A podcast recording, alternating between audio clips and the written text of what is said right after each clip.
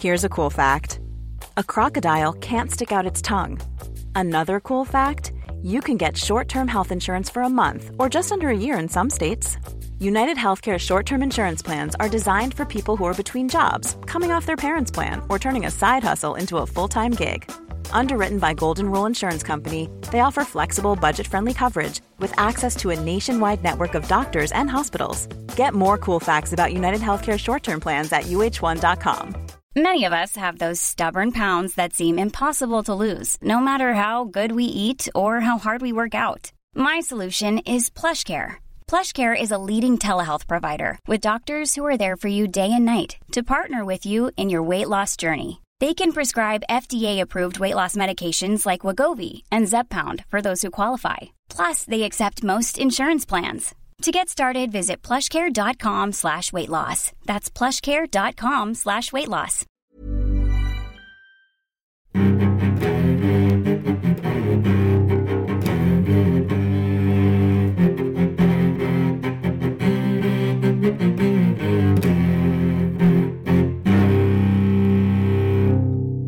CSR-podden med Åsa Stenborg och Torbjörn Olofsson. Välkommen till CSR-podden. En estradör har vi pratat med idag som ska bli chef. Per Lars Hans har precis lämnat lokalen. Ska bli chef, han är väl chef? Som ja, är chef på Ja. Ragn-Sells. Han Ja. har gått slutat vara Från Max. hamburgare till avfallet. Absolut. Han har slutat att tillverka sakerna, han har flyttat till andra sidan och börjat ta hand om förpackningarna istället. Han lovar att han inte ska stå på scen längre. Det log han lite mjugg. Det hörde, kunde inte ni höra men det såg vi. Mm. Eh, och eh, vi blev väldigt tekniska. Precis, men eh, det får ursäktas den här gången. Jag tycker det var väldigt roligt. Ja, det är väldigt värt att lyssna på. Eh, jag igen säger, gå gärna in på Facebook-sida, gilla oss, eh, sprid oss så vi får fler lyssnare. Det hjälper till. Eller tipsa om någon som du skulle vilja att vi intervjuar. Ja. Gärna inte dig själv. Det, blir, det är så tråkiga tips.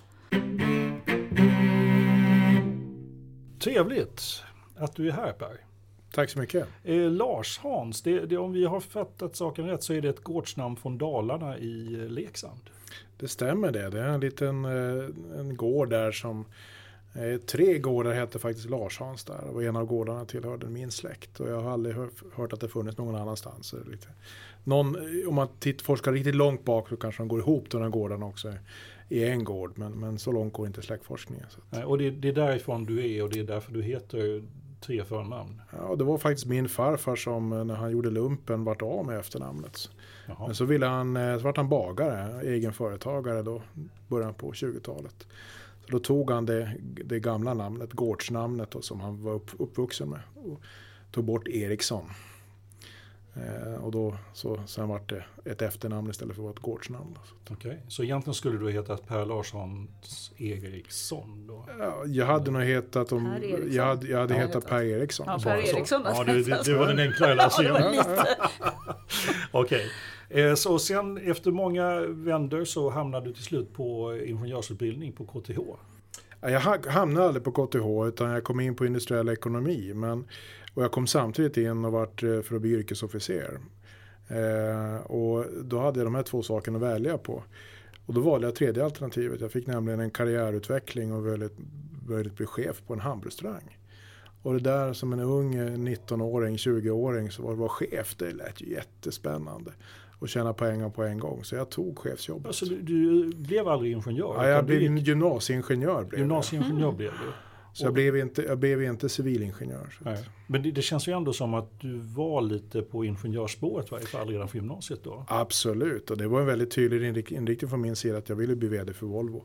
Och då visste jag liksom det att vdarna för Volvo, ja men de var ingenjörer. Nu var ju då Sören Gill inte då eh, högskoleingenjör ens, om jag förstår det rätt då. Men, men eh, alla andra vdar tidigare har då varit då, då ingenjörer. Och, och hoppet från eh, Volvo till hamburgerkedja. Och är chef. Ja, Det var det som lockade Ja, det var faktiskt var det en annan sak också, det var ju väldigt mycket snygga tjejer. på, på Max Om Hamburger. man ska vara ärlig, ja det var väldigt trevligt. Var, man fick jobba med unga människor och man var själv ung på den tiden. Och då tänkte jag, herregud, det här med, med bilar och mekanik istället för människor. Nej, jag väljer människor istället. Och unga tjejer framförallt då. Det var väl en bonuseffekt då. Mm. Det var där det började alltså. Det visste inte jag. Eh, du bor fortfarande fem kilometer söder om Bollnäs i Hertsjö. Eller med det? Det är hemma för dig. Och så arbetar du ändå i Stockholm. Mm. Och hur funkar det? Ja, egentligen så är jag uppvuxen uppe i Norrbotten, Luleå. Men eh, så dök min hustru in, dåvarande då kvinna, dök in som gäst på Stadspubben när jag drev den uppe i Luleå. Och eh, hon kom in som gäst där. Och efter att vi sen tillbringade några dagar tillsammans. För jag var då bartender nämligen. Eller hon trodde jag var bartender fast jag var ju chefen egentligen. Men efter tre dagar tillsammans där så tyckte jag att det här var ju spännande. Så jag åkte och besökte henne i Bollnäs utan, utan att hon visste om att jag skulle komma. Eh, och jag kom hem till hennes eh, eh, arbetsplats med en ros i handen och sa att nu vill jag laga lunch åt dig. Och får jag låna nyckeln till bilen och guida mig så, så fixar jag det. Och då säger jag nej det går inte. Vadå går inte säger jag. Nej men kom tillbaka vid klockan 12 så hämtar jag dig. Och tänkte att det fanns en pojkvän i alla fall. Men hur som helst i alla fall. sparka ut honom emellan där. Typ, ja. Men hur, hur som helst i alla fall så åkte, jag, åkte vi hem på lunchen och då sprang hon in fort före allting annat. Tänkte vad är det här för jag sprang efter. Och då stod hon och torkade upp mikrovågsugnen. Hon skämdes ju för hur det såg ut hemma och visade upp hemmet som det var. Eh, men det var inte det jag var ute efter. Jag var ute efter Lilian då. Och eh, det resulterade att jag två månader senare sa upp mig och flyttade ner till Bollnäs. Och där bor jag då sen sen 18 år tillbaka. 19 en, år en bondgård med, med allt vad en bondgård mm. har och när, är. När jag flyttade dit så var det då köttdjur, alltså uppfödning av nötboskap. Så att min första sommar var faktiskt från att jag var chef så gick jag ner och vart dräng och, och mockade hela den sommaren. Och det var den bästa jag någonsin har gjort i hela mitt liv tror jag. Jag kommer ihåg det fortfarande idag. Som det var, man stekte gröt, man, man, kokade gröt på morgonen och till lunch och så stekte man gröten. För det liksom vad man hade råd med. uh, det var härliga tider faktiskt. Och där har du fru fortfarande kvar och en dotter? Hustru och dotter ja. Hustru och dotter och dottern är någonstans i härdet? Hon är 14 år gammal. 14.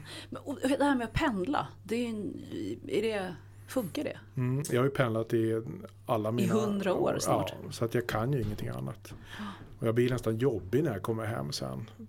Alltså man, jag, min hustru säger det är bäst att åka iväg och hitta på någonting Du, du, du, kan inte vara hemma längre. Och så är du borta fem dagar i veckan och så hemma två och så ja. är det den löpet. Men jag har stort behov av att komma hem på helgerna också. Det är för mig att landa i, i komma ner i varv och sen kunna vara kreativ och arbeta väldigt mycket ställa under veckorna. Ja, för det är någonting som är jättetydligt för dig. Du, du har gjort tydliga avtryck i hållbarhetsvärlden. Du har varit eh, väldigt aktiv inom Social Venture Network, SVN. Och VV känner dig från scenen tusen gånger som representant för Max. Och Angeredsinitiativet är ett av dina barn och det finns antagligen ett helt gäng till saker. Var, du har otroligt mycket energi. Var får du den ifrån?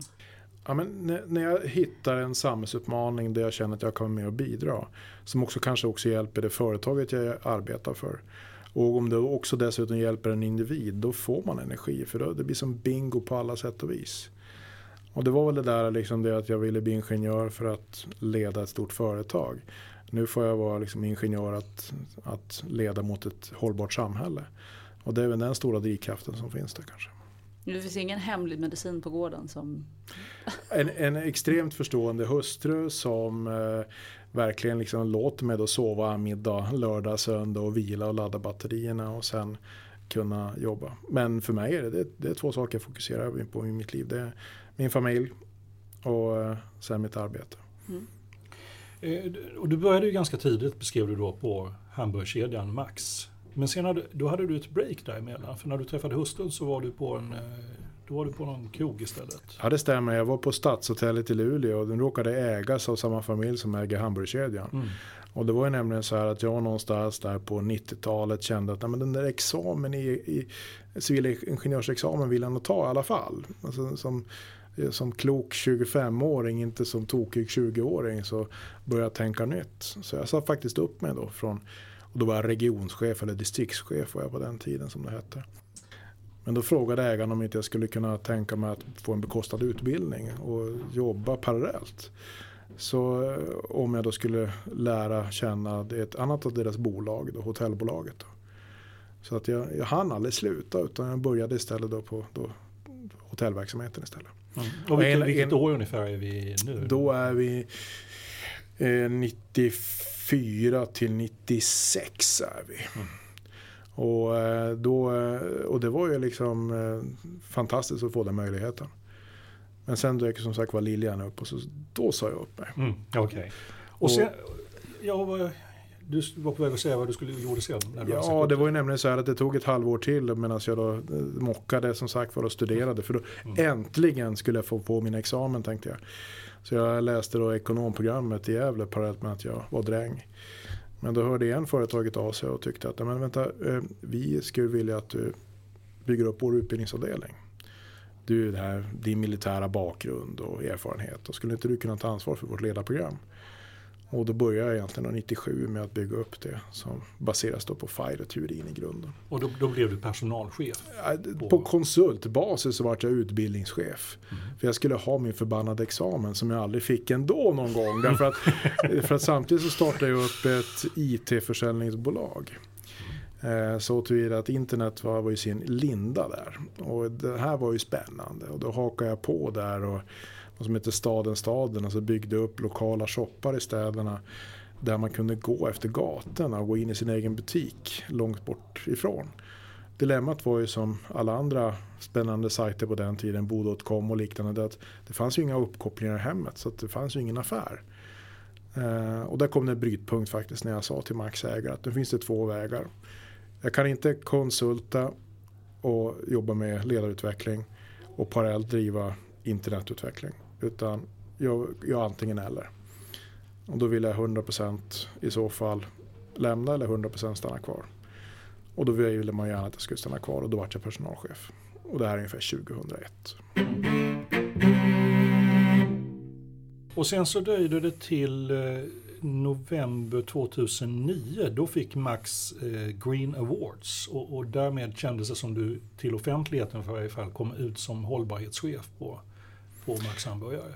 Ja så är det. Det, det, det, och det, det, hände ett antal saker däremellan också självklart. Men det är riktigt att då vart vi, vart vi mera publikt. Det var inofficiellt VM-guld i hållbarhetskommunikation. Och det är klart, det går knappt att få någonting finare. Eh, och nu hade jag jobbat då, som sagt var som utbildningschef egentligen och ändå fått möjlighet att hämta den där titeln i London. Så självklart, det var det. Men innan dess faktiskt kommer jag ihåg det här 2007 när jag var i Bryssel och talade Eh, då hade ett annat del av vårt arbete hur vi anställer funktionsnedsatta systematiskt och hyllats som ett gott exempel i Bryssel. Och inte för att vi anställer funktionsnedsatta utan för att vi jobbade med attityder hos våra chefer. Alltså ändrade inställning till våra chefer. Och eh, när jag hade gjort den där presentationen, kommer hem till Sverige, tänkte jag nu är det liksom jubel, massorna som väntar här, men det var inte en enda en. Och vi hade ju aldrig alltså du menar inte en enda en i, I Sverige? Inte en journalist, ingenting. ingen och mötte dig? Vi var bara bäst i Europa ja. men det var ändå ingen som uppmärksammade oss. Nu hade vi aldrig, det var aldrig någon strategi att vi skulle heller nå ut PR-mässigt utan det här var ju ett erkännande för vårt interna arbete att jobba med ledarutvecklingen. Eh, men sen det tog det två år då. Och det här var precis innan som, eh, innan som vi fick det här Green Award. Men då, då kom statsminister Reinfeldt på besök. Och Sen avlöste minister efter minister som ville egentligen figurera med vårt arbete. För det är väl så med politiker om man ska vara helt ärlig, att de kommer först när det är succéer. Mm. Eller när det är valår. Och även och före gärna valår. kombinationen i ja. valår också. Mm. Absolut. Jag menar, då dyker de ju även upp i förorterna. Så ja. att, eh. Men nu var jag alltså, förlåt, nu hamnar jag på ett felaktigt spår här. Alltså, Max Hamburger var ju ett av de första företagen som det kändes som i fall som förtydligade kopplingen mellan hållbarhet och lönsamhet. Hur ser du på det? Absolut, och, alltså Max är ju ett entreprenörsägt företag. Och då är det liksom att utveckla produkten och att eh, förfina den men också att tjäna pengar väldigt viktigt. För att man ska kunna utvecklas. Och här var ju väldigt tydlig del från ägarhåll. Där man ville ta ett väldigt mycket större ansvar i klimatfrågan. Eh, inspirerad av vad som händer ut, runt omkring i världen så insåg man att här fanns det en potential att göra någonting. Och ta ett stort ansvar. Och eh, jag kommer ihåg lite skämtsamt hur det gick till där, där, där ägarna tyckte att men Per, du, vi skulle vilja att du tar ansvar och kommer fram med ett förslag. Vi, du bor ju på bondgård, du kan ju allt om miljö. Lite skämtsamt så var det så. Mm. Det, det är inte bara skämsamt, det är dumt. Ja. Jag är hemskt ledsen. Ja, Ja. jag tycker det är ganska roligt. Nej, det är dumt. Det är hela kedjan. Jo, men det är ju stor... Det är, Från ko till hamburgare. det är ju en av de stora miljöförstörarna i Sverige, Ja, är okej. bönderna. Så, ja, förlåt. Ja. Och eh, samtidigt är det ju så här att den biologiska mångfalden är jätteviktig att vi behåller och då behövs bönderna. Så att Oh, det beror på hur man Jag har- ser på det hela. Jag har ingenting emot att de finns. Jag Det vill bara finns, de en, ändra det finns en klimatutmaning men det finns, en, en, det finns många positiva hållbarhetsvärden med också. Så att. Mm. Men, men just det här med, med eh, det som kanske var huvudfokusen då var just det att vi hade tidigare vi hade gjort ett antal spännande saker som hade fått genomslag. Och då tyckte ägarna att det här vill vi liksom det har lyckats förut Per, kan du inte göra det igen? För några år innan där var jag faktiskt och reste runt med eh, på några föreläsningar med Hans Karlsson, dåvarande arbetslivsministern.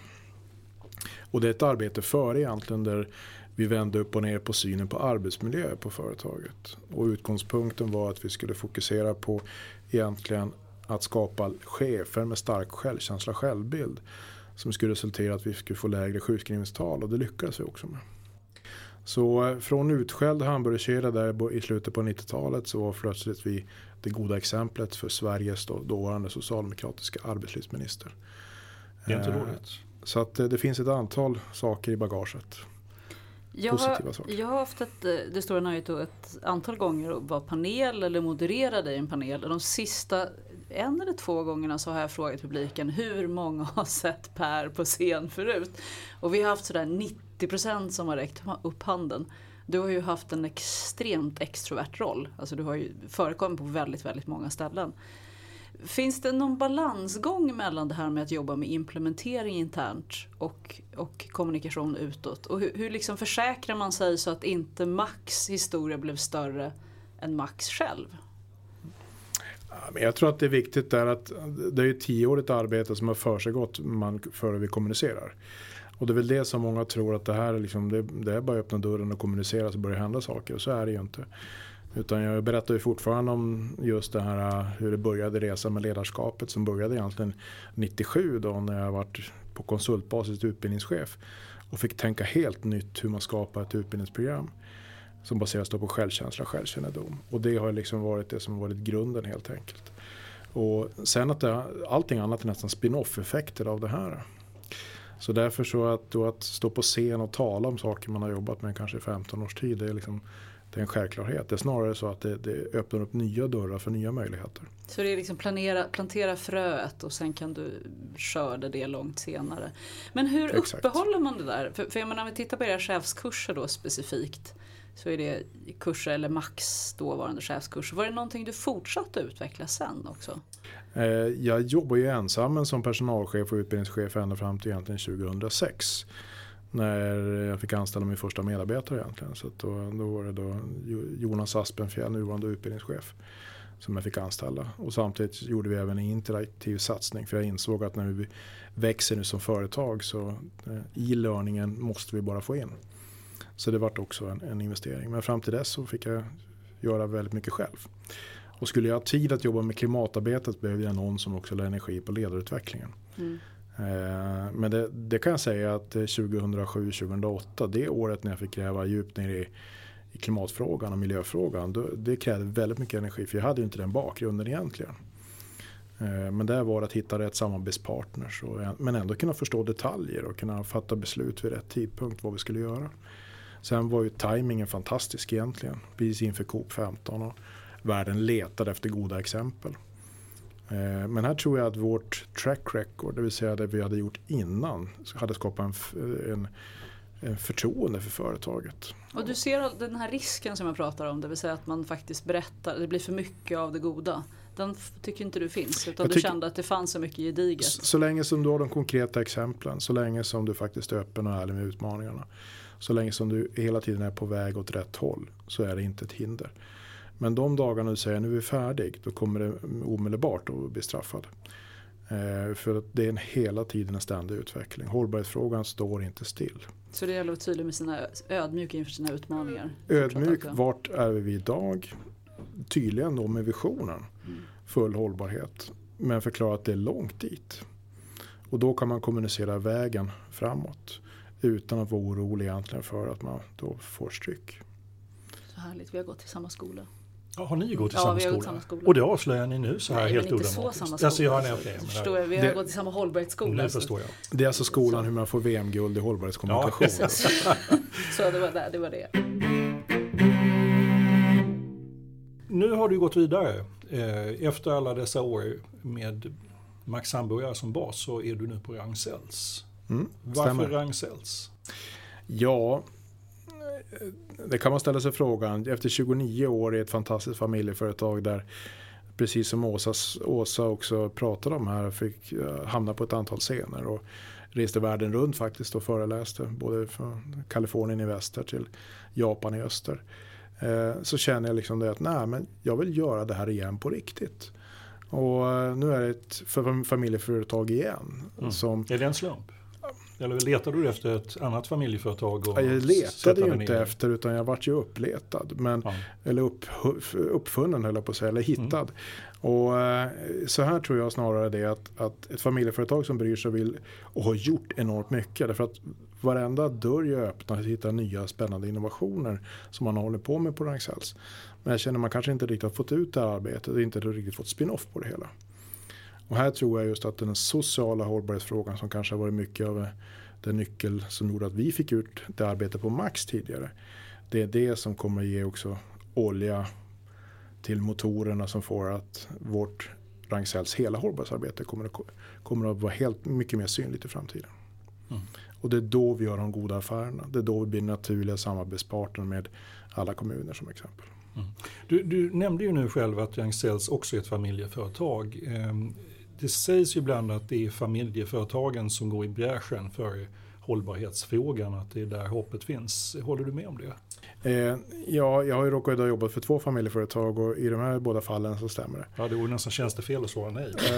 Och, eh, Det är när man kommer ut och säger nej, så är det inte. Och jag tror den här kortsiktigheten som kanske annars drabbar börsbolag. Det är väl det som man, jag inte har sett i familjeföretag. Och det är väl det man syftar på egentligen när man pratar om familjeföretagen. Att det finns andra mer långsiktiga perspektiv på verksamheten än vad det kanske gör i börsbolagen. Alltså investerings... Eh, eh, hur man investerar skiljer sig väldigt dramatiskt. Eh, det är mer med hjärta än med hjärna många gånger. Men det bästa är att kombinera hjärta och hjärna. Och har man då en hållbarhetsstrategi då blir det väldigt tydligt vart man ska lägga pengarna också. Vad är din uppgift nu? Vad, är, vad ska du göra nu? Har du, du har en ny titel? Jag har eh, samma titel, hållbarhetschef. Mm. Men däremot så har jag en väldigt spännande uppdrag. Jag har fyra avdelningar samlade under mig. Jag har då både HR, klassisk då personalchefsdelen. Med en personalchef under mig och en organisation där på totalt sett 15 personer. Sen har vi då en utbildningsavdelning. Vi har en miljöavdelning. Och sen har vi också nu snart en kvalitetsavdelning. Så det är fyra avdelningar under mig. Och du, du är ansvarig för alla dem? Jag är ansvarig för alla de avdelningarna. Okej. Och det här är det som företagets ägare och, och vd har sett, David Schelin har sett att det här ska, det är en strategisk fråga. Och det här är saker som går ihop med varandra. Den sociala hållbarheten är så nära förknippat med den ekologiska hållbarheten. Och, då är även ordning och reda viktigt. Där kvalitetsdimensionen kommer in. Och då har du åtminstone, om jag räknar 15 personer under dig, för jag antog att de här utbildning, miljö och, och kvalitet var en person. Är det en, Nej, det, det är fyra olika personer det där. Så att, jaha, men så det är ungefär 19 personer som du ska, alltså 23 totalt sett. 23 som du ska vara chef över nu. Det är ju lite annorlunda från Max kan man väl säga. Det är, en, det är en stor skillnad från tidigare och det gäller att jobba annorlunda också. Men samtidigt är det så här att den, den rent strategiska frågan är på, likadan. Nu kan man säga att jag har mer resurser. Mm. Men då gäller det tydligare att vara tydligare med ledarskapet, att vi alla ser samma bild.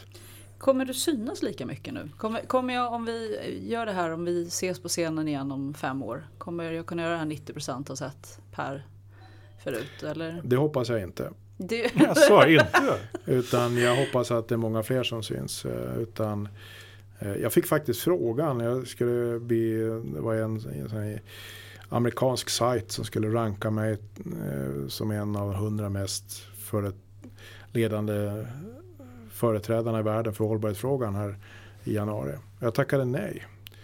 För jag sa så här att min roll är inte att, att synas, min roll är att synliggöra andra. Och det är väl det jag ser som är, är nyckeln för framtiden. Att försöka stärka min organisation och, och lyfta fram andra. mm. Erfarenheter som du tar med dig, vi har ju pratat ganska mycket Max nu. Om du ser vilka är guldkornen du tar med dig? Eh, vi har berört vissa av dem, var ödmjuka inför framtiden, var tydlig med det var du är. Är det något annat guldkorn du tar med dig från framgångshistorien Max? Nej, men det är väldigt mycket det här med eh, kombinera hjärta och hjärna som jag tycker att var väldigt mycket det Max gjorde. Att, att både den långsiktiga strategin men också sätta huvudet mot rälsen och lyssna. Var, när kommer tåget? Vad är det som händer för någonting? Så eh, både backcasting men också lite forecasting att göra rätt saker vid rätt tidpunkt. Mm, för det är en rörlig agenda tänker du då? Och, precis, och det, alla saker, även om, om, även om allting är rätt att göra så är det inte alltid rätt i tid att göra de mm. sakerna. Eh, och det kan jag säga, det är väl det som är kan man säga, en av våra mina fördelar under kan man säga, dessa år. Att hitta kärnan och, göra, och satsa på rätt sak vid rätt tidpunkt. Du går ju från, från en snabbmatskedja där man kanske inte har så höga förväntningar på hållbarhetsinsatser. Och då blir det ju en enorm bonus när, den, när, när man bemöts av den, den är en del av paketet. Så går du till istället till en bransch där liksom miljöarbete och hållbarhetsarbete är kärna. Mm. Vad tänker du måste göras annorlunda nu? Vad är det som kommer vara? Du var inne på ordning och reda, var du inne på. Redan Nej. som är annorlunda. Är något annat? Du menar för det har man inte på Max hamburgare? Mm, jo, det tror jag säkert att man har men jag tror att det finns andra miljökrav. Du har jättemycket mer tillståndspliktiga krav på en, på en återvinningsindustri. Och det, hela driften är eh, hållbarhetsaspekter. Medans vi, vi, skulle kunna föra diskussionen om hamburgare eller snabbmat finns i en hållbar värld. Det tycker Per och jag är jätteroligt att göra. Men, men däremot återvinningsindustri är en drivkraft. Absolut en drivkraft. Så vad, är, vad behöver du göra annorlunda? Vad har du tänkt på att det här ska jag tänka nytt kring? Nej, tänka nytt. Jag tänker inte vara inne och peta i det man gör med, med miljöfrågan. Utan att försöka frigöra den potentialen som finns hos människor. Därför att det är väl där jag ser som den stora, stora liksom utmaningen men också möjligheten. Eh, så igen blir det ledarskapet igen som vi, vi börjar. Och vi introducerar någonting här som heter förtroendefullt samarbete. En metodik som bygger just på FIDE-teorin eller Human Element och som är grunden i liksom det arbete som jag egentligen lanserade för 20 år sedan nu då på, på Max. Eh, men nu blir det liksom en, en speciell metodik och eh, det här ser jag hur just ingenjörer har en enorm nytta av det här att kunna, kunna och, tror jag, frigöra och nyttja varandras styrkor på ett annat sätt. Så att jag, jag, jag har stor förhoppning för kommande året här. För det kommer att ta ungefär åtta månader att rulla ut det här. Mm. Du, eh, alltså Young Cells, det kommer vi nog få alla att räcka upp handen om man frågar vad är, vilka känner till Young Cells. Men sen är frågan, vet du verkligen vad Young Cells gör? Vad, vad gör ni på Young Cells egentligen? Ja, Egentligen är det så här att vi... Vet ni vad ni gör? Ja, ja ni vet Han borde veta vad ni gör, förlåt. Egentligen är det så här att vi, vi, vi tar hand om ungefär 800 odefinierade eller 800 olika typer av material. Som vi då sorterar ut på olika sätt och vis. Och egentligen kan vi säga så att vår grundaffär handlar om att ta hand om osorterat, skitigt avfall och göra om det till varor. Det är hela grundaffären. Sen en stor del av vår grundaffär handlar också om hur vi kan vara med och inte bara återvinna utan till och med avgifta samhället. Mm. För det är så att det vi har gjort under, under 150 års tid av industrialismen det är att vi har, vi har förstört mycket av förutsättningarna för, för oss att kunna bedriva jordbruk eller liknande på vissa områden. Och vi har helt enkelt strött ut gifter omkring oss. Och här har ju Ragn-Sells en unik teknik att kunna både ta, bort, ta ut det goda ur det hela. Metaller, mineraler. Men också plocka bort just gifterna. Så mm. att de kemiskt sluts. Och inte sprids tillbaka ut i naturen. Och nu är du lite inne i avfallstrappan som man pratar om där man har lägsta nivån i deponering och mm. den högsta nivån är ju egentligen eh, att förhindra att avfall uppstår överhuvudtaget. Alltså egentligen eh, minskad konsumtion. Fast det sista steget vore väl inte så bra för Ragn-Sells för då skulle man ju inte ha någonting att ta hand om. Vi har ju bestämt att vi ska bli ledare inom cirkulär ekonomi. Eh, och det innebär att vi inte har något avfall längre. Eh, utan, Vad gör Ragn-Sells då? Ja, vi är motorn för att helt enkelt ska kunna skapa en cirkulär ekonomi.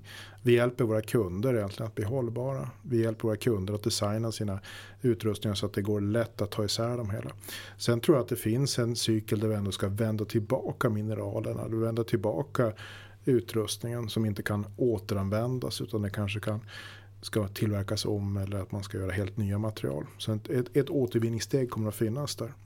Men vi ska vara med på hela ledet från design ända fram till återvinning. Mm.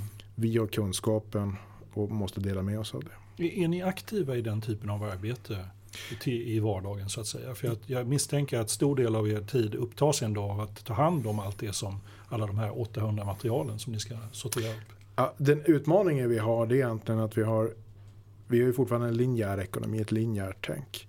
Där en designar, en annan producerar, en tredje använder och en fjärde kastar bort det hela. Uh, och vi måste samla hela varuflödet. Vi måste få hela varukedjan att, att samlas runt ett bord. Och där uh, tycker vi att vi ska kunna vara en, en, motor för att det där sker. Du är inte där ännu. Men, men, det kan man säga är den här långsiktiga missionen. Det är en av dina nya utmaningar att få alla kring bordet. Absolut. Mm. Och jag ser ju då ändå, eh, har jag pratat om tidigare här, men det är just den här dimensionen social hållbarhet. Att ta ansvar för samhällsutmaningar, även den sociala dimensionen. Allt ifrån nyanlända som idag väller in över landets gränser. En liten anekdot här är att i Damaskus, det universitetet har över 220 000 studenter. 13 500 doktorander. Ett av programmen de har heter Recycling of Water Treatment. Eh, vi har problem att få tag på nyckelkompetenser.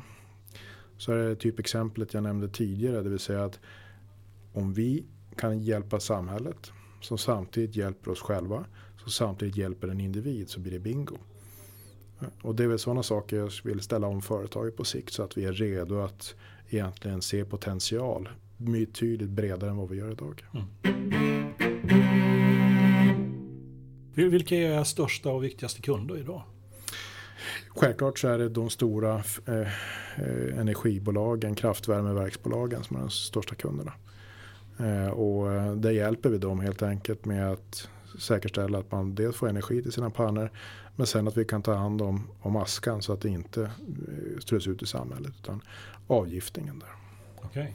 Och det är väl, man, man må debattera eh, om man ska bränna eller inte men Tittar vi då kommande 70 åren så finns det inget alternativ om vi ska avgifta.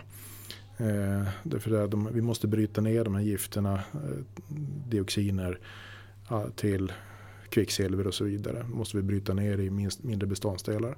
Och enda sätt att göra det är genom förbränning också. Att avgifta soporna eller att avgifta vad? Ja, det blir ju väldigt mycket avfall både när vi bygger, alltså vi byggavfall som ja. både blir energi som kan brännas men också sopor. Alltså människor kastar i, i sina hushåll sopor på olika sätt och vis.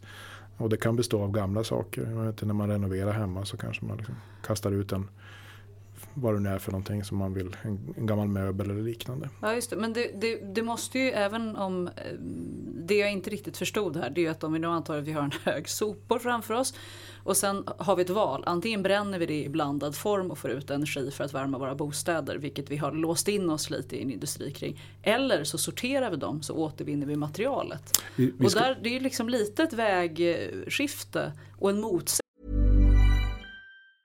Jewelry isn't a gift you give just once. It's a way to remind your loved one of a beautiful moment every time they see it. Blue Nile can help you find the gift that says how you feel and says it beautifully with expert guidance and a wide assortment of jewelry of the highest quality at the best price. Go to BlueNile.com and experience the convenience of shopping Blue Nile, the original online jeweler since 1999. That's BlueNile.com to find the perfect jewelry gift for any occasion. BlueNile.com.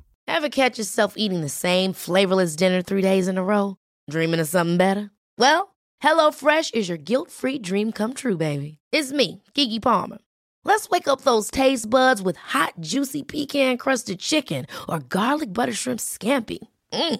Hello Fresh. Stop dreaming of all the delicious possibilities and dig in at HelloFresh.com. Let's get this dinner party started. Many of us have those stubborn pounds that seem impossible to lose, no matter how good we eat or how hard we work out. My solution is PlushCare. PlushCare is a leading telehealth provider with doctors who are there for you day and night to partner with you in your weight loss journey. They can prescribe FDA-approved weight loss medications like Wagovi and Zepbound for those who qualify. Plus, they accept most insurance plans. To get started, visit plushcare.com slash weight loss. That's plushcare.com slash weight loss. Och du var ju inne på att ni ska sortera och bli Mm. en framtidens gruva. Vi ska sortera ut så mycket som möjligt. Och Det- sen ska ni bränna resten. Ja, och det som inte kan på något annat sätt sortera ut, som inte kan bli nya materialflöden, de bränns i det här Och har vi fallet. inte liksom fastnat lite i en återvändsgränd där? När vi är ju beroende idag för kommunal uppvärmning väldigt mycket av eh, att bränna sopor. Och vi har ett enormt sopbehov eh, i systemet. Eh, Är det, har vi, har vi, är det en icke-flexibel plattform vi har hamnat på eller vad säger du? Det är en tillfällig plattform, alltså det är en tillfälligt steg. Och det är just det avgiftssteget som måste finnas till. Och det måste till ungefär 70 år framåt. Ja, just, och, men då är det ju vissa material bara, det är ju inte alla material för du har redan sorterat ut de bra det, materialen. det är där. absolut inte alla material. Sen är det så här att viss, en hel del av de här pannorna drivs också av, av biomaterial. Som överhuvudtaget inte ens är sopor utan som helt enkelt är gjort för att tillverka elström. Ja, just det. Och då hamnar vi ändå i den här jobbiga loopen gentemot mat där vi, hela ditt hjärta pulserade förut. Där du inte på max skulle stått och sagt vi värmer, vi värmer husen med det vi odlar för det ska vi faktiskt äta. Så vi har ju en liten spännande... Mm. Och det, det är ju geografiskt så är det helt riktigt att vissa länder så är det liksom hål i huvudet att göra på det sättet. Medan kanske i våra länder där vi har en god tillväxt och vi ser hur det ökar tillväxten också ute i, ute i skogarna. Här har vi liksom god potential att utveckla det ytterligare. Så då, ja, man ska bara summera så att jag själv förstår, vilket inte allt. Då ska vi använda de här bränningsanläggningarna som vi idag bränner sopor i, skulle vi kunna använda och bränna träd i istället. Och då kommer vi, kommer de kunna, den tekniken kommer kunna vara kvar medan vi fortfarande sorterar soporna. Ja, det, det, det finns ju väldigt mycket kan man säga, restavfall från skogsproduktionen. Det är inte- Trädet Mm. Ja, som sådant ska Nej. användas till andra saker. Mm. Men saker vi inte kan göra, göra någonting annat med även där ute. Där är sista anhalten och för, förbränning helt enkelt. Jag skulle bara vilja loopa tillbaka, nu blir Torbjörn alldeles frustrerad på mig. Men du var inne på att jag tänker få hela livs, eh, runt bordet och sen så drog du iväg på social hållbarhet. Den sociala hållbarheten förstår jag mycket väl och håller verkligen med om. Men det är ju väldigt mycket en här och nu fråga och den idag är nästan en förutsättning för att kunna rekrytera så måste företag förstå de här poängerna. Viktiga poänger att förstå. Men eh, in, finns det inte en risk här för det här med att få ihop hela kedjan? Det är ju extremt energikrävande i sig, alltså från dig eller från din organisation. Och, och Torbjörn frågar, kommer de verkligen att komma? Och då säger du, ja det kommer de att göra. Och så sitter jag och tänker, ja det kanske de gör. Alltså varför har de inte redan gjort det då? Vi samarbetar ju redan idag med ett antal företag eh, även längre bak som vill kanske nyttja det materialet vi har också i återvinning. Ja det är ju ner för kedjan, men jag tänker framförallt upp kedjan. Det är Ja. de som inte har lust att lyssna. De kan ju Hur bara menar säga, du upp kedjan? Nu tänker jag de som producerar, nu är vi på Volvo kanske eller nu är vi på någon som producerar mat eller nu är vi på någon här. För Du menar inte användarna utan inte, nej, även användarna men användarna är ju väldigt disparata det vet vi och kan i bästa fall organiseras i kommuner. Men tittar vi på en producent av årets julklapp, någon hör, säg att det är en högtalare eller en hörlur eller någonting. Att få dem att komma och att börja diskutera hur ska du bygga din produkt så att jag kan bryta ner den och hur ska du göra din förpackning så att jag kan göra det. De är inte lika lättcharmade. Vi är inte där ännu. Det, Nej. jag håller med dig. Och det är ju det här linjära tänket som fortfarande finns kvar. Här tror jag att eh, politiker faktiskt har en roll att spela. Eh, ibland måste man tvinga människor att sätta sig runt ett bord också. Och kanske i det här fallet då subventionera eller, eller på något sätt kan man säga undvika beskattning på vissa av processerna som liksom blir mer hållbara helt enkelt. Eh, så att det finns jättemycket att göra här. Det är jättespännande år framför mig har jag. Hur, hur är det med era konkurrenter? Är- Delar de de här utmaningarna, uppfattningen om de här utmaningarna? Har ni sett att ni är runt samma bord och diskuterar sådana här saker? Eller? Absolut, vi har ett väldigt gott samarbete med våra, våra då partners inom återvinningsindustrin. Vilka är era största Nu- konkurrenter? Nu är vi lite olika nischade här också. Mm. Jag menar, Ragn-Sells är ju då ledande egentligen på biomaterial. Egentligen på, på återvinning av, av, av biologiskt avfall. Så det är liksom min nummer ett på. Och vi har ju ingen själv egen förbränning, jag vill betona det också. Utan vi hjälper ju egentligen liksom andra som jobbar med förbränning. Men där är vi väldigt duktiga och väldigt duktiga just kopplat på saneringsfrågor. Att liksom säkerställa att vi får bort de här gifterna som jag sa tidigare. Eh, men annars de största, största konkurrenterna som vi har i Sverige, för det är ju lite olika i olika länder. Då. Det är då sten och metall, men då är fokus väldigt mycket på metall och metall har vi nästan ingenting av. Eller väldigt lite, vi jobbar ju med våra kunder som vill ha det här. Och sen är det väl framförallt Sita. Så det är väl de, vi tre som kanske är störst. Mm. Det finns några till också. El Recycling är en sån också. Men de har ni mycket dialog med? Vi har väldigt mycket dialog och bra samarbete. Och vi tror att det är väldigt viktigt att man har det. Mm. Och, och, nu sa du i Sverige, men eh, Ragn-Sells jobbar ju även ute i världen, i andra länder också. Ja. Har du ansvar för de här frågorna även internationellt? Nej, jag har inget ansvar för de andra länderna utan det är sex länder totalt sett. Däremot ingår ett nätverk då av de andra länderna där vi delar våra erfarenheter. Eh, men jag har inte direkt ansvar för något av de andra länderna. Och jag kan säga att Sverige är den dominerande delen också av omsättningen. Jag tror 65 procent av omsättningen. Eh, hela Ragn-Sells omsättning är då Sverige. Och i, Sverige om man tittar på det så återvinningsbranschen som sådan domineras ju väldigt mycket väl av kommunala bolag också.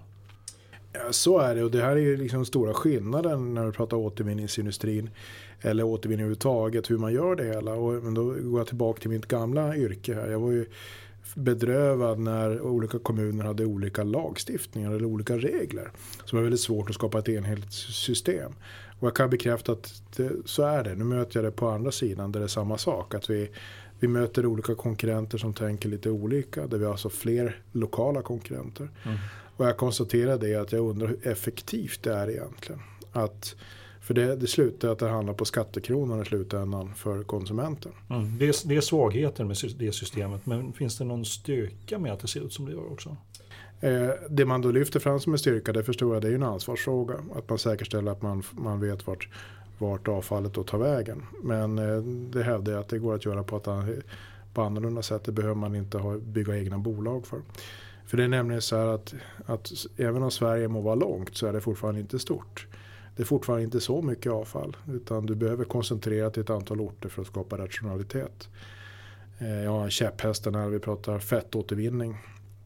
Där det krävs egentligen en anläggning i Sverige för att återvinna allt fett som, finns, som kommer från fritöser. Mm. Eh, och då får du rationalitet. Då kan du till och med betala för att du ska få det här fettet. Det, det behövs bara en men det finns betydligt fler. Eh, då är det så här att vissa kommuner har bestämt att det där tillhör det kommunala monopolet. Det är jämförligt avfall. Förklara det kommunala monopolet bara. Så att ja, då, ja, då innebär det så här att det finns en gränsdragning där det kommunen har rätt eh, att eh, disponera över hushållsavfall. Man bestämmer vem det, hur det ska tas om hand.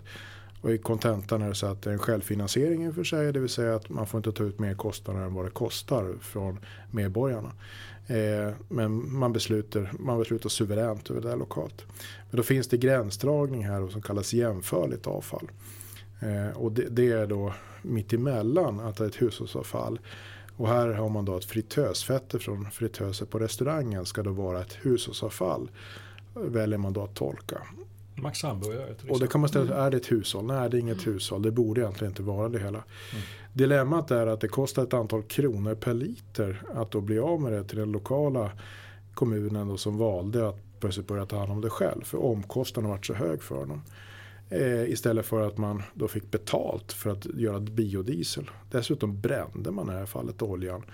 Man återanvänder det inte en gång till till, till det här fallet till drivmedel. Så det var även en det, det var, ur hållbarhetsperspektiv tyckte jag också det var tveksamt. Så systemet är suboptimerat som det ser ut idag? Säger du? Ja, det blir inlåsningseffekter så att man kan inte utveckla nya mer hållbara lösningar. Hur skulle man göra istället? Ska vi ta bort den kommunala suveräniteten och eh, jag typ, tycker absolut, absolut att marknadskrafterna kan råda här. Och framförallt om man då kan göra det med en typ av incitament kopplat till liksom hållbarhetsfrågan. Hur, hur kan man ta hand om det på ett bättre sätt? Hur kan vi materialåtervinna mer? För det är ju så här att det är många då som vill ha det här avfallet för att just bränna. För som du var inne på initialt här tidigare också det att, att man behöver bränna mycket i våra förbränningsanläggningar. Och vi hävdar istället att man ska kunna materialåtervinna mycket, mycket mer. Samtidigt kostar det ju fortfarande. Än så länge är det ju ganska dyra processer som inte gått ner. Vissa av dem har inte gått ner i pris. Rent krasst det, det är en marknadsfråga det här. så att Priset på avfall då. Eh, det vill säga att när vi då tar emot ett avfall och skickar iväg det till förbränningsanläggningen får vi betala för det. Vi får alltså betala en avgift för att det här ska, ska in. Så att vi, vi får inte ersättning. Däremot kan vi materialåtervinna, då får vi materialersättning. Så det är ju liksom lönsamt för oss att ta, ta ut material också dessutom. Men, men här har det liksom blivit då tvingande istället. Så man tvingar på sig material eller tack vare kommunala monopol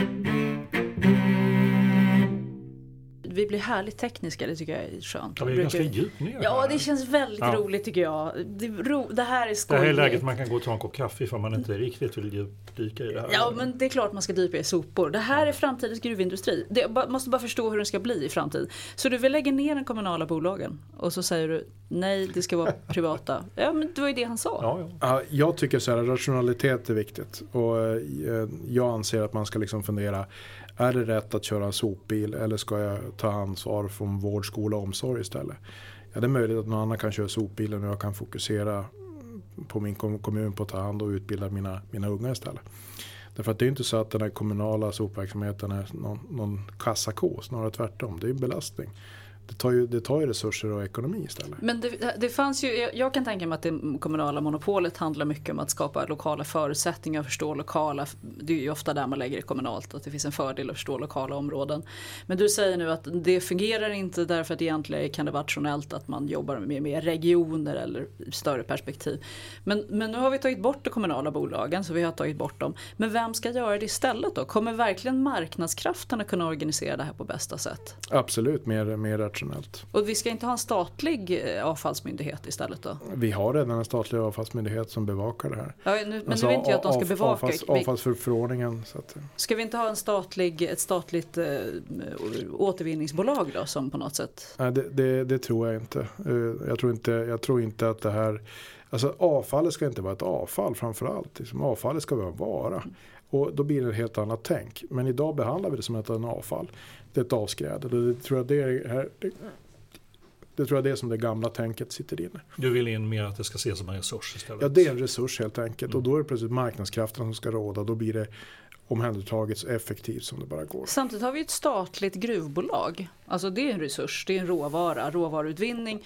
Vilket kan vara väldigt smart ur ett nationellt perspektiv att man har en statlig intresse i råvaruutvinning. Vi har det både på energi och vi har det i gruvdrift. Borde vi inte ha det på den här nya råvaran också då? Ja, du säger en spännande sak. Det är just gruvorna också. De har ju då subventionerade rent ur koldioxidperspektiv. De behöver inte betala några skatter för att lägga, av, lägga det fallet och, inte avfall men lägga då berg på hög. Eh, som innehåller lägre halter av mineraler. Eh, Medan vi då när vi tar emot asker så får betala en avfallsskatt, en deponiskatt. Det är orättvist säger du. Ja, speciellt eftersom halten av mineraler i våra högar är högre än vad de är i gruvornas högar. Men vill du säga då att vi borde inte skaffa ett statligt återvinningsbolag? Ett, vi ska absolut inte göra det men däremot så ska vi skapa, skapa samma spelregler. Så, eh, både, både den moderna framtida gruvan, det vill säga moderna deponier, ska ha samma förutsättningar som, som om man bryter ur, ur jungfrulig råvara. För idag är det subventionerat.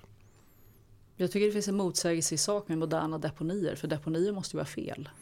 Ja, det, det, ordet, det gamla ordet var ju soptipp. Förlåt. Det, det gamla ordet var ju soptipp. Ja, jag menar det. Så, och det finns väl, det, I den framtid kommer vi väl inte ha någon deponi överhuvudtaget? Så det Vi- finns väl ingen modern deponi? Ja, vi kommer minst 70 år framåt ha deponier. Ja. Och det beror helt enkelt på det med avgiftningen. Det vill säga det finns material som inte ska tillbaka, som ska ut ur systemet. Som jag har tagit upp en gång från jordskorpan och det ska bort. Och det finns bara ett sätt att göra det på det är att deponera det. Men Återlägg- kemiskt binda det så att det Just inte... det.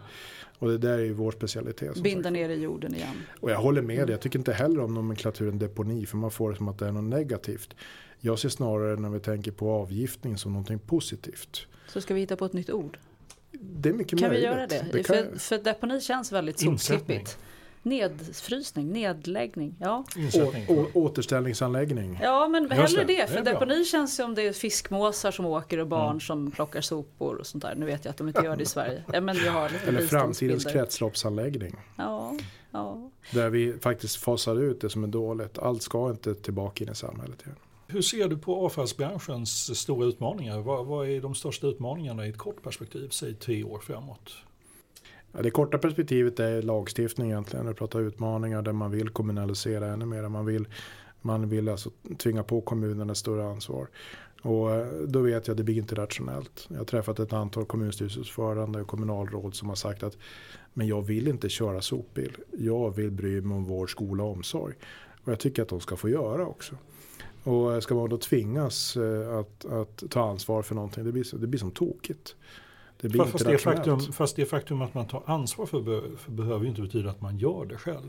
Alltså det finns ju, det ju många, alltså Stockholms stad är ju en beställarorganisation till exempel. Det, det är helt riktigt. Men då gäller det också att säkerställa att de fria mar- marknadskrafterna får råda också. Så att det inte blir att det, och tyvärr är det så, så är det inte överallt i dagsläget. Utan det skiljer sig från, från kommun till kommun. Och då skapar det inte rationalitet för oss heller. Sen tror jag det är viktigt att kommuner också förstår att ta ansvar även för, för det som med det här fallet då bränner. Så att man inte man undviker att kanske skicka det här, de här askerna till andra länder utan behåller det i Sverige. Finns det exempel på det? Det finns exempel på det. Det finns exempel på kommuner som, som i alla fall skickade till Norge. Och, eh, eller gräver ner det själv. Beror det på att vi har köpt det från Norge eller var det bara en helt, det råkade bara bli så? Det är, då, det är ett sätt att liksom få ner kostnaden då för att det är en annan deponiskatt där helt enkelt. Jaha, okej. vi, vi har, du har nämnt det tidigare eh, och du, producentansvar, eh, svensk lag som handlar om att de som tillverkar också har ett ansvar för hur produkten eh, livs, end of life så att säga. Kan du berätta lite om vad, vad är producentansvar? Vi börjar i den änden. Ja, produc- sen, nu är det så att vi har inget producentansvar, vi producerar ingenting. Nej just det, men om jag, mina hörlurar som jag var inne på, nu, jag hörlurstillverkare. Nu vet jag inte om det är producentansvar på just hörlurarna då, men det finns ett antal material det finns producentansvar på. Förpackningen är en sån sak till exempel. Och eh, då ska du säkerställa att man tar ansvar för insamling.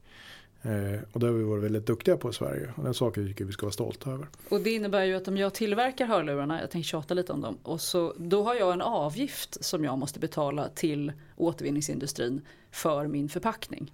Så det är så det fungerar egentligen. Ja, du, du, det är en avgift som betalas för att administrera insamlingen. Så den, den går inte till oss utan den går egentligen till den egna insamlingsorganisationen som ska säkerställa att förpackningarna inte hamnar då, eh, där de inte ska hamna. Och vi, är det här ett fungerande system eller är det ett fungerande avlatsbrev för den producerande industrin som inte tänker komma till ditt förhandlingsbord?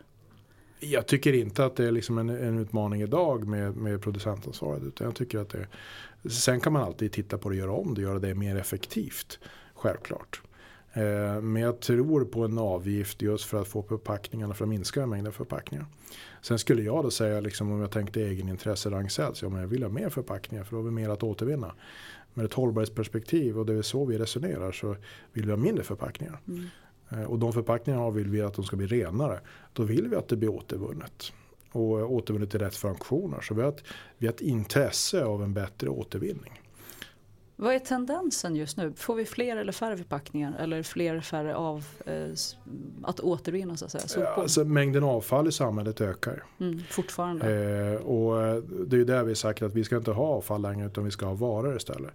Och där kommer det viktiga liksom att vi samlar och, och verkligen kan återvinna mer. Mm av materialet. Men, men då finns det flera aspekter. Den är att vi ska faktiskt göra färre, alltså ha mer mindre avfall men vi ska också återvinna mer. För vi behöver en tendensförändring på båda fallen.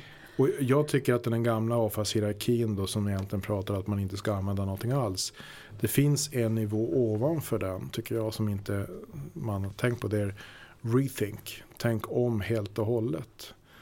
Eh, det vill säga hur kan jag tänka cirkulärt? Mm. Redan det, från början? Redan från början. Så nu, nu lanserar du ytterligare en nivå i avfallssteppar? Mm. Så det är en, en, av, en nivå ovanför. Helt jag tycker det är båda, vi har nya ja, namn på saker och ting.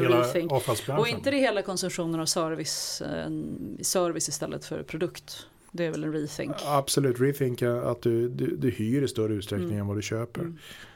Jag höll ett uh, frukostseminarium i, i går morse och då var det just en, en av de deltagarna där som sa att ja, men när jag skulle ha en att laga min tvättmaskin skulle det kosta 1500 kronor. Men jag, då sa jag till honom, tänk om du hade istället hyrt den av Husqvarna istället. Då hade Husqvarna tagit ansvar för den. Då hade det inte kostat 1500 kronor för att komma ut och titta på den. Utan de hade säkerställt att maskinen kanske håller längre. För man hade tjänat mer pengar då på uthyrningen. Att den höll inte bara tre år utan höll kanske tio år istället. Nya affärsmodeller. Nya affärsmodeller. Ja. Jag tycker ett kul exempel jag såg här hur, hur iPhone eller eh, eh, iPhone-annonser där man säljer eh, återanvända iPhones från, eh, från iPhone själva. Och det är lite spännande. De har alltså gått, gått, in, gått tillbaka in i, i värdekedjan och sagt att vi samlar ihop begagnade iPhones, vi kvalitetssäkrar dem och så säljer vi dem på nytt igen. Är det någonting ni Ikea. skulle kunna tänkas göra? Nu har vi ingen egen produktion. Nej, men eh, ni skulle ju kunna stå vid bakändan så att säga och, och göra samma sak egentligen. Det finns jättemycket att göra och jättemycket möjligheter i framtiden. Eh, nu är mitt fokus initialt, mitt, mitt enkla lilla fokus, det är ledarskapet. Skapa ett gemensamt språk internt inom Ragn-Sells där vi ska synliggöra potentialen hos människor. Men absolut, vi har jättemycket utvecklingssteg som vi håller på att titta på. Ett spännande som jag, ett av mina favoritprojekt är hur vi då kan återvinna fosfor ur slam. Ett patent som Ragn-Sells då äger och idag då utvecklar. Och som faktiskt är livsviktigt eftersom fosfor är en framtida bristprodukt och fosfor Exakt. behöver vi för att överleva. Exakt. Och vi det- har nu en väldigt linjär behandling av fosfor, eller hur? Exakt, och det är en sån typ exempel som där vi idag faktiskt strör ut gödsel på åkrar som faktiskt innehåller både tungmetaller och kemikalier. Eh, så vi, där vi vill då avgifta, så kombinationen av avgiftning det är vi duktiga på. Men också ta ut de här bra sakerna ur det hela. Det är den kombinationen som vi, vi vill lyckas med. Med risk för att verka tjatig, men jag måste nog faktiskt betona den fortfarande. Vi har alltså mer avfall i Sverige för varje år som går. Vi har inte minskat mängden avfall. Vi har inte minskat mängden avfall utan den, den ökar. Eller vi, vi sorterar dock bättre. Det beror på hur man definierar det hela, vilket är spännande. Vi ökar alltså mängden sorterat, så sorterade fraktioner. Jag vill inte prata avfall för att det är inte avfall för Nej, mig. men vad ska vi kalla det då? Vi kallar det liksom resurser tycker Ja jag. okej, men res, resurserna... Mängden resurser ökar. Mängden res, ja, men det blir Tänk ju, vad det blir, positivt det låter det blir ju smörigt också. För vi måste någonstans och ibland möter jag ju perspektivet av att ja, men vi håller på att bli bättre. Allting håller på och vänder. Vi förstår ju så väldigt mycket av hållbarhetsfrågan så att nu konsumerar vi nog mindre. Och vi börjar ju köpa eller service istället och vi ska ju hyra. Men, men siffrorna är ju ganska grymma och de visar ju fortfarande på en ökad konsumtion som är materiell som i sig ger tyvärr vad vi nu ska kalla det avfall fortfarande. Ja men så, så är det absolut. Och det är väl så att den här den ekonomiska tillväxten vi har haft den har ju byggt egentligen på ett, billig tillgång till arbetskraft, två, billig tillgång till naturresurser. Så det är de, de två sakerna som har varit avgörande och då har man liksom desto mer det konsumerar desto mer värde skapar man och desto mer har man triggat den. Eh, men det håller ju inte självklart. Jag håller med om det. Torbjörn och jag har en, lite så här, en liten eh, diskussion som vi har haft pågående där vi har just reflekterat kring att i den här stegen som vi pratar om så finns det aktörer som lever just på att, åt, eller på att förlänga livs, livslängden för vissa produkter. Och nu tänker vi framförallt på biståndsorganisationer som har liksom hjälpt samhället med att Eh, förlänga livslängden genom second hand-handel. Man har liksom kunnat ge bort sina saker och de har gjort, kunnat sälja den igen. Och de har ju ofta kombinerat det här med väldigt starkt socialt engagemang. Så här har vi verkligen sett en, en både miljömässig och en social, ett socialt engagemang. Ju hårdare vi börjar se det här verkligen som resurser, apropå att det inte finns något avfall, desto tuffare kommer det bli för de här att överleva. Vi, säger, vi pratar alltså om Myrorna, Ja, Stadsmissionen, Röda Korset, den typen av verksamheter. Då, då tänker vi att ju, hård, ju mer professionaliserat det blir och ni börjar röra på er och se de här aspekterna och allt fler nya aktörer kommer in och, och, ser att det här finns en affär att göra. Så är risken att de här som gör socialt goda saker slås ut på vägen därför att de kan inte visa på samma business case. Eh, jag tycker Jallatrappan är ett sådant exempel på en lysande verksamhet som eh, där man då i fallet syr om gamla saker och, och skapar värden av dem. Hela. Eh, och i det här fallet då säljer man via Ikea de här produkterna. Då blir det liksom så går- det blir nya varor helt enkelt av det som är gammalt och utslitet. Men delar du synen av att de här riskerar att försvinna?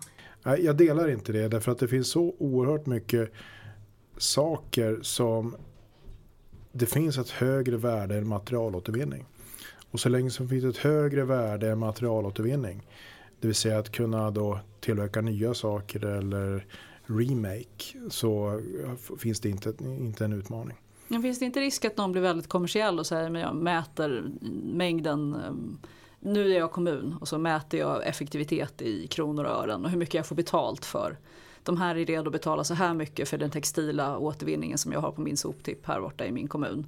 Och då ger de istället och de här sociala sakerna, fluff-fluffet som att sy om och engagera kvinnor, sånt tar- vi inte med i kalkylen. Fast det är det fördelen just om kommunerna då tar sitt ansvar på fullo. Det vill säga vård, skola och omsorg. Då innebär det också att man ska ta ansvar för medborgarna. Så du tror att de Och ser då blir det? det sociala kapitalet plötsligt oerhört viktigt att värdera. Vad, vad kostar det att inte sysselsätta människor? Utan vad kostar det då att bara fokusera på en enkel sak som materialflödet? Och här är du hoppfull kring kommunernas kompetens att se det sociala kapitalet. Det får vi väl hjälpa kommunerna med att se. Men jag är absolut, det finns extremt många intelligenta människor där ute. Så jag är helt säker på att man förstår det där. Sen är det väl så här att det här måste även förstås högst upp när man sätter styrmedel. Och här har vi rikspolitiker har en, en enorm möjlighet att kunna ytterligare stimulera egentligen sociala kooperativ och sociala innovationer. Eh, Apropå externt, jag ska tala två veckor på en scen i Göteborg tillsammans med Shakarabi, vår civi- civilminister, just om de här frågorna. Så jag ska hälsa honom att det finns möjligheter här att öka sysselsättningen. Ja, bra. Ja, det är bra. Ja, det var roligt. Först har vi lagt ner kommunerna för att vi trodde inte på oss. Och nu är vi övertygade om är att det finns väldigt många kompetenta människor. Som... Men jag hoppas att du har rätt. Vi vill gärna vurma för dem lite extra. Sådär.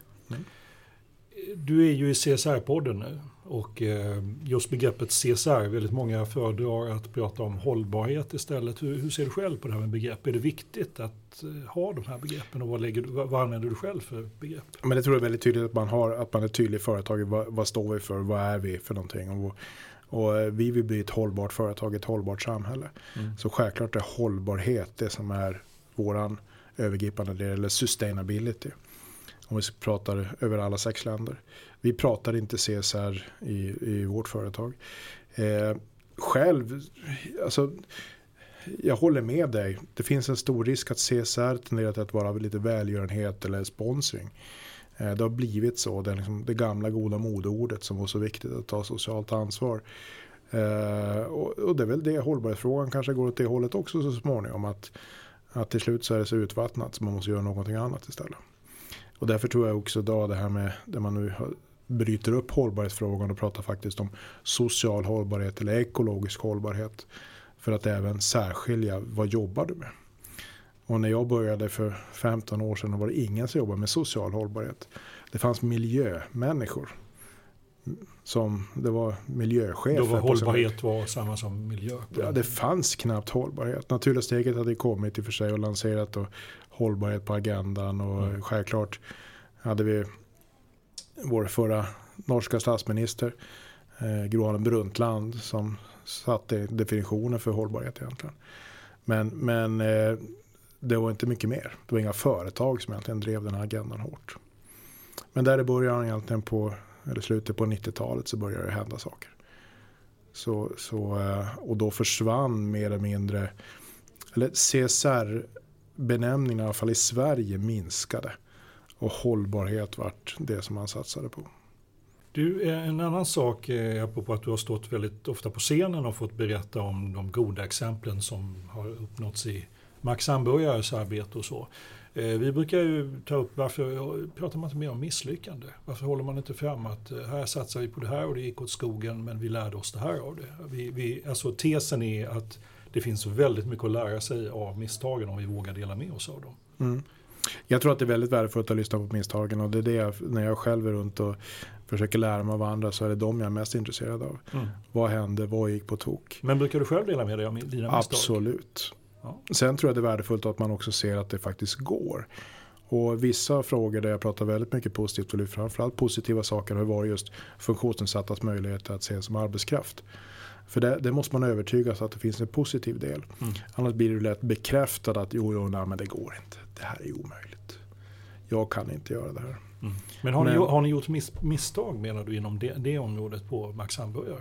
Eh, vi gör ju inga misstag men vi, vi, vi har däremot medvetet ibland anställt utan att egentligen ställa rätta kraven. Eh, och det här är jätteviktigt att det, det ska vara anställningar på riktigt. Om man då i det här fallet då inte ställer krav utan gör det för att man är lite väl för snäll och gärna vill så kan det lätt bli tokigt. Då får man in kanske fel person eller rätt person i grunden men fel person för jobbet. Och det är egentligen som vilken person som helst. Ehm, Jag tänker, ha, tänker göra en vadslagning nu officiellt på den här podden. Jag tror att du kommer förekomma på scenerna väldigt mycket framåt också. Jag tror inte du kommer låta bli. Jag tror inte du kun, kommer kunna låta bli. Vad säger du om det? Om den? Eh, jag ska försöka undvika att låta bli. Och, eh, eh, Eh, jag har så pass mycket, jag har så mycket att lära ändå. Jag är nybörjare och det känns jättekul.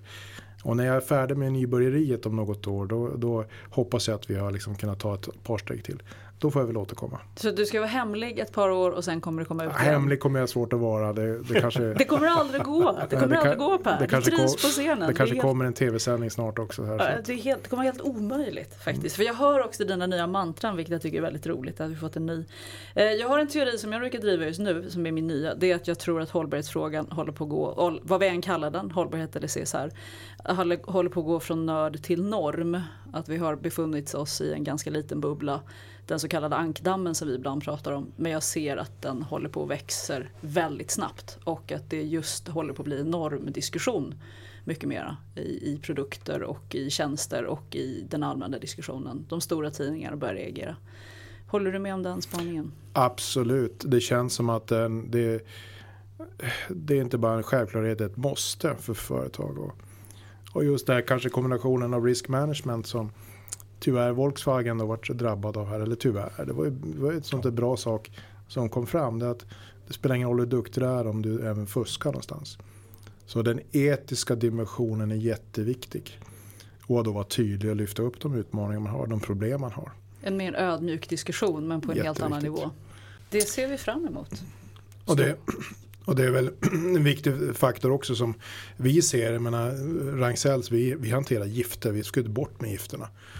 Och det är klart ibland så, så blir det inte 100% rätt. Eh, även om vi är världsmästare, tycker vi själva, är väldigt duktiga på det. Så blir det ibland tok. Men vi har bestämt oss, vi ska vara med och avgifta samhället. Och då får vi ta de riskerna det innebär också. Mm. Strålande. Det blir ett bra avslutningsord. Stort tack för att du kom hit. Roligt att ha dig här. Mm. Tack så mycket, på återseende.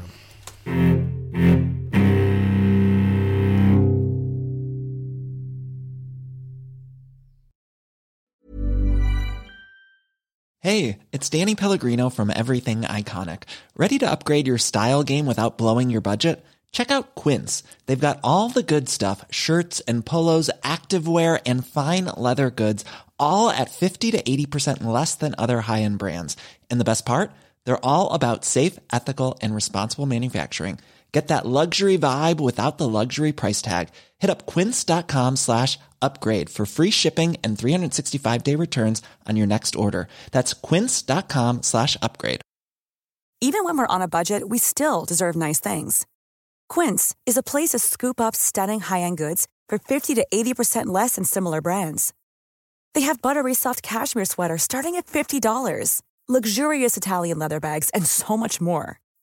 Plus, Quince only works with factories that use safe, ethical, and responsible manufacturing. Get the high-end goods you'll love without the high price tag with Quince. Go to quince.com/style for free shipping and 365-day returns.